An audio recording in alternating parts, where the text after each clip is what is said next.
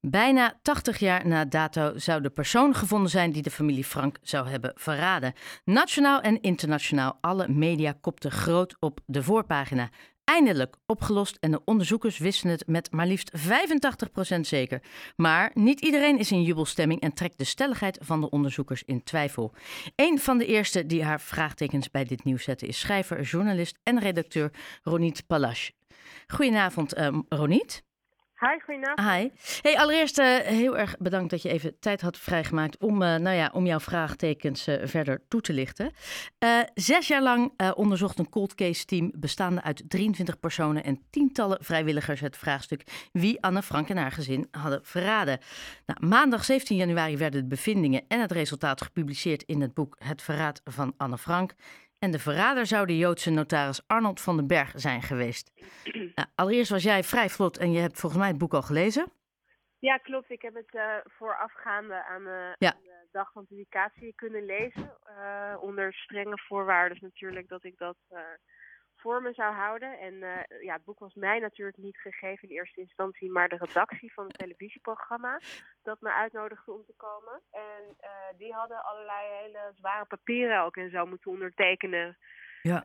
Um, Stond volgens mij een vrij hoge boete op als je het embargo zou uh, verbreken. Ja, echt extreem hoge boetes. Daar zou je op zichzelf al uh... je vraagtekens bij kunnen zetten.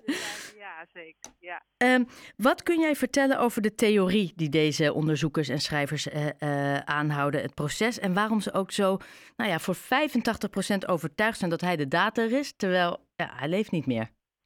Ja, het is een beetje lastig om het helemaal samen te vatten, maar het komt erop neer dat ze in ieder geval een afdruk hebben gevonden van een kopie van een briefje dat Otto Frank ooit in zijn uh, brievenbus vond waarop stond dat deze Arnold van den Berg, lid ook geweest van de Joodse Raad, die al in 1943 werd opgeheven, de dader zou zijn als zijnde de verrader van de familie Frank.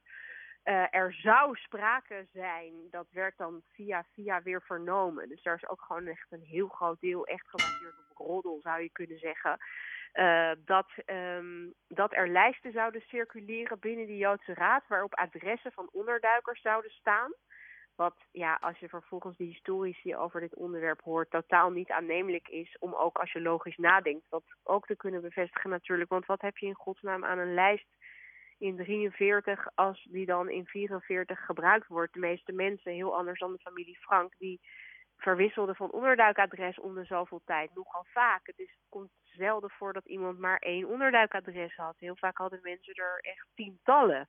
Ja. Um, en dan wordt er met enorme grote woorden gestrooid en onderzoeksmethoden gestrooid als AI, oftewel Artificial Intelligence. Nou, eigenlijk is dat helemaal niet van belang geweest voor de uiteindelijke conclusie, omdat die gewoon echt gestoeld is vooral op dat ene briefje.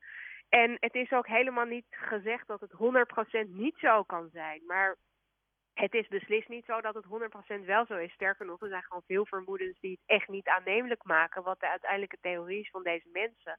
Ja, en het is belangrijk ook om een verschil aan te merken tussen een forensisch onderzoek en een historisch wetenschappelijk onderzoek. En de manier zoals dit gebracht is, hè, doet heel erg aan alsof het allemaal super wetenschappelijk onderzocht is. En dat is gewoon niet het geval. Het is gebracht ook heel in die, van die Amerikaanse termen, cold case. Ja. Een beetje Cluedo-achtig, alsof je naar een nieuwe CSI-aflevering zit te kijken. Terwijl het allemaal over de rug gaat van een Joods vermoord meisje met haar zusje en moeder.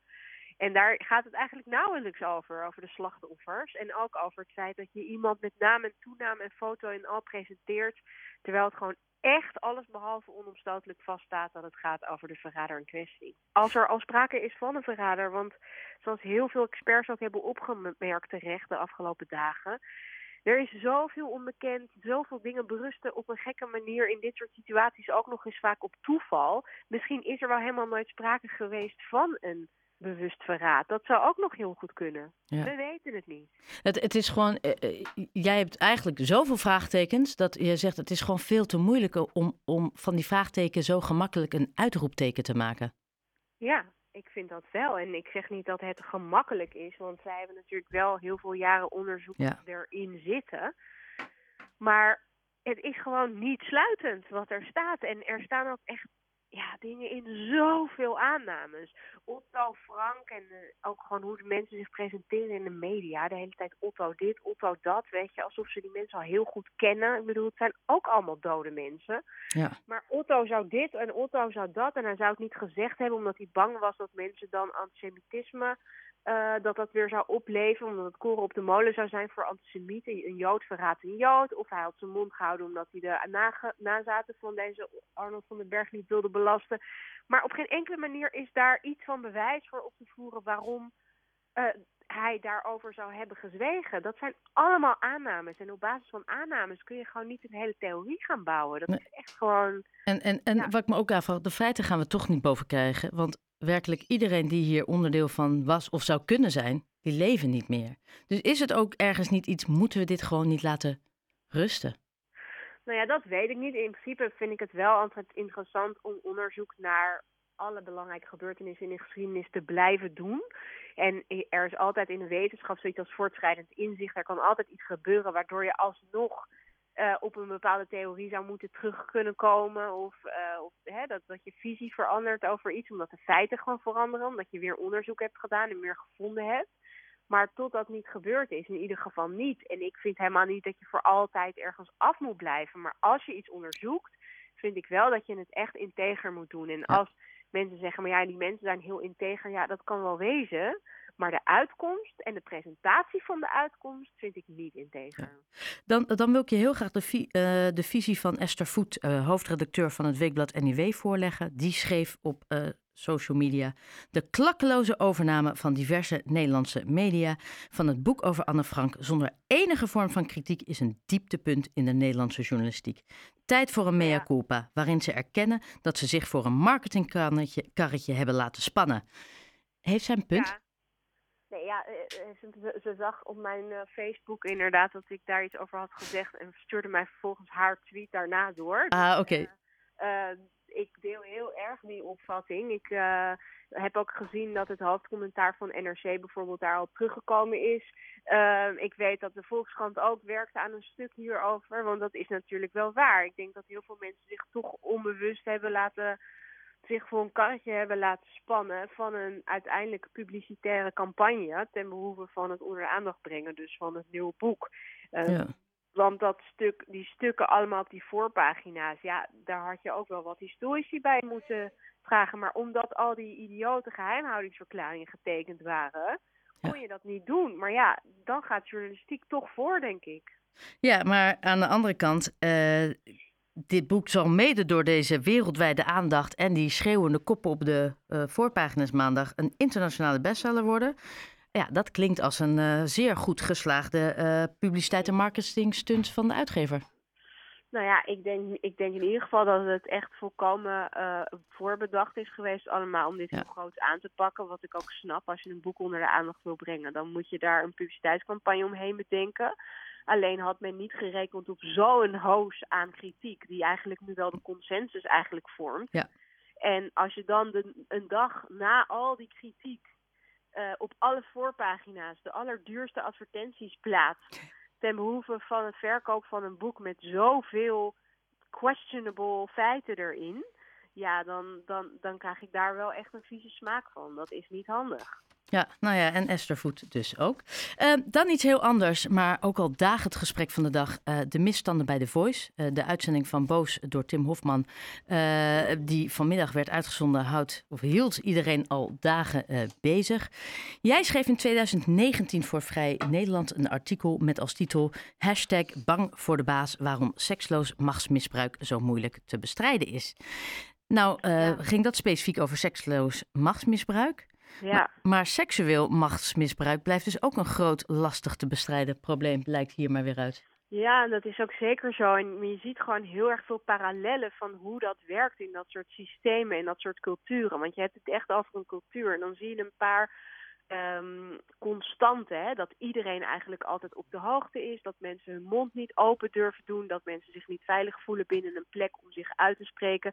Dat er eigenlijk geen goede protocollen zijn met betrekking tot wanneer er iets gebeurt dat niet in de haak is. Dat men dan weet wat ze moeten doen.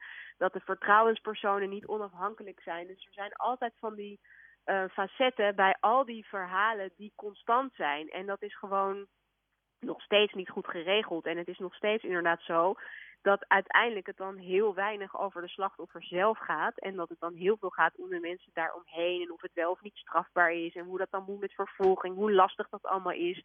Terwijl het in eerste instantie gaat over hoe iemand zich voelt die zoiets meemaakt. En die zo lang in een situatie verkeerd heeft waarin hij het gevoel heeft gehad. Ja, dat hij niet hardop kon spreken uit angst voor represailles. Uit angst voor ja, toch een bedreiging van een toekomstbeeld die die persoon voor zichzelf in gedachten had. En dat is wat er zo kwalijk aan is, dat, daar, dat die structuren niet doorbroken zijn. En nu komt dat weer zoiets groots aan het licht. Nu omdat het een hele invloedrijke familie is. Maar je ziet het in alle, pardon, je ziet het in alle structuren van, van de samenleving. Bij allerlei um, instanties en bedrijven. Uh, bij politie, bij justitie, in de academische wereld, bij het leger. Overal, maar ook gewoon kleine bedrijven. Hè? Gewoon mensen met eigen ondernemingen Overal waar een sterke hiërarchie is, waar een baas is. En die baas hoeft niet, hoeft niet eens in de billen te knijpen om toch heel intimiderend te kunnen zijn. En soms weten bazen niet eens wat voor invloed ze hebben en wat voor machtsposities ze hebben. En dat de mensen die voor hen werken afhankelijk zijn van salarissen en hypotheken. En dat dat gegeven op zichzelf al genoeg is om vaak je mond te houden en om soms iets te tolereren wat eigenlijk ontolereerbaar is. Ja. En dan gaan mensen dus inderdaad de boel omdraaien van ja, maar ja, je hebt er zelf heel lang gewerkt. Of ja, nou ja, als iemand af en toe schreeuwt, ja, dat hoort er ook een beetje bij als je baas bent. Nee, als het structureel is, hoort het er niet bij. Als je iemand aan plein publiek te kakken zet, als je iemand vernedert, als je intimideert, het hoort er niet bij. En het is niet het verhaal van Talpa, het is niet het verhaal van RTL of ITV, het is het verhaal ook van de publieke omroep. Er zijn zoveel mensen. Hoe, vond, hoe vind jij dat de media in de afgelopen dagen hierop uh, in is gespeeld? Bijvoorbeeld die twee uh, meisjes, die slachtoffers die bij Bo of op één. Daar is zelfs nog uh, ruzie om geweest bij wie ze terecht kwam. Hoe, hoe wordt dat dan opgelost? Want ik heb het gevoel dat nou ja, die meisjes hebben hun verhaal gedaan. Uh, zijn uh, met naam en toenaam en gezicht dus uh, nou ja, je moet natuurlijk altijd oppassen dat iets niet een trial by media wordt. Dus het is wel belangrijk dat je alles gewoon op een hele keurige manier gaat uitzoeken. En dat iemand zich daarover buigt om uit te zoeken hoe iets precies gegaan is. Zelfs als het niet strafrechtelijk onderzocht wordt, moet er wel gekeken worden naar wat die meisjes hebben meegemaakt. En moet je een manier vinden om te kunnen checken wat wel en niet gebeurd is. Dat is gewoon heel belangrijk, ook voor, die, voor de slachtoffers zelf. Hè? Want mensen houden ook heel vaak hun mond omdat ze bang zijn om niet geloofd te worden. Maar het is aan de andere kant zo dat je ook niet iedereen zomaar moet kunnen beschuldigen. Maar op het moment dat er heel veel klachten binnenkomen en iets gewoon structureel gebeurd lijkt, dan moet je wel echt gaan kijken wat is hier gebeurd, wat, hoe ga je dat terug um, hoe ga je die situatie teruglopen en hoe ga je dan uitzoeken wat er gebeurd is en hoe dat zo ver heeft kunnen komen. En dan ga je wel bezighouden met die meisjes in eerste instantie en niet of Linda de Mol de relatie heeft verbroken. I don't care. Nee, jij niet, maar het is toch ook iets wat uitgebreid... Ja. Uh... Maar ik begrijp dan niet waarom er nergens een vraag wordt gesteld van... oh, maar hij had haar toch al op de hoogte gesteld. Waarom gaat ze dan nu pas die relatie verbreken? Ik, ik, ik mis gewoon een paar hele cruciale vragen die steeds niet... En waarom worden die niet beantwoord, denk je? Is, ja, dat weet ik niet. Ik, eh, heeft dat niks te maken met de grote naam en de mol? Toch een hele machtige familie?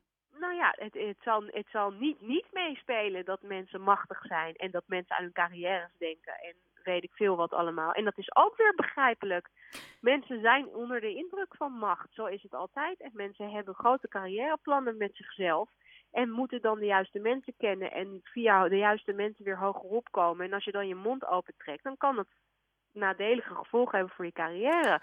Zo werkt het vaak in de wereld. Maar overal waar je zinnetje kunt zeggen, dit is hoe het werkt, zo gaat het, dan moet je altijd oppassen. Ja. Hey, denk jij dat dit het tipje van de ijsberg is? Deze aflevering met... Zeker, en, en niet alleen met betrekking tot dit programma, weet je. Ik denk en ik hoop dat er heel veel meer mensen zich um, op hun gemak genoeg zullen voelen om te merken dat als ze iets vervelends hebben meegemaakt, of veel erger nog dan vervelend, dat ze zich kunnen uitspreken en dat ze worden gehoord en dat ze niet bang zullen zijn. En ik hoop gewoon dat het nooit meer gebeurt dat, dat dit op deze schaal kunnen plaatsvinden. Alleen ja, dat, het gebeurt wel. Maar zorg voor je organisatie dat het een, een gezonde organisatie is, dat het veilig is, dat mensen ergens terecht kunnen als er dingen zijn die niet in de haak kunnen. Of het nou is of je baas tegen je schreeuwt continu, of je te kakken zet of intimideert, of in je billen knijpt of erger. Zorg dat je werknemers ergens terecht kunnen bij iemand die onafhankelijk is en niet gelieerd aan de baas en niet betaald door die baas waardoor je je verhaal kwijt kunt. Waardoor je je waant alsof je echt ergens terecht kunt en je verhaal kunt doen. Dat is echt heel erg belangrijk. En probeer ook, want dat is ook zo lastig, dat mensen nooit collectief met elkaar opstaan tegen iemand, omdat ze te bang zijn. Probeer toch ook om elkaar te steunen in dit soort situaties. Dat het niet alleen maar één iemand tegen het grote systeem wordt, maar dat je elkaar steunt en naar elkaar luistert en dat werknemers elkaar ook gewoon echt ja, de handen ineen slaan en dan samen een front proberen te vormen. Ja. Ronit Pelas, schrijver en journalist, heel erg bedacht voor uh, nou ja, je beide toelichting. Dankjewel.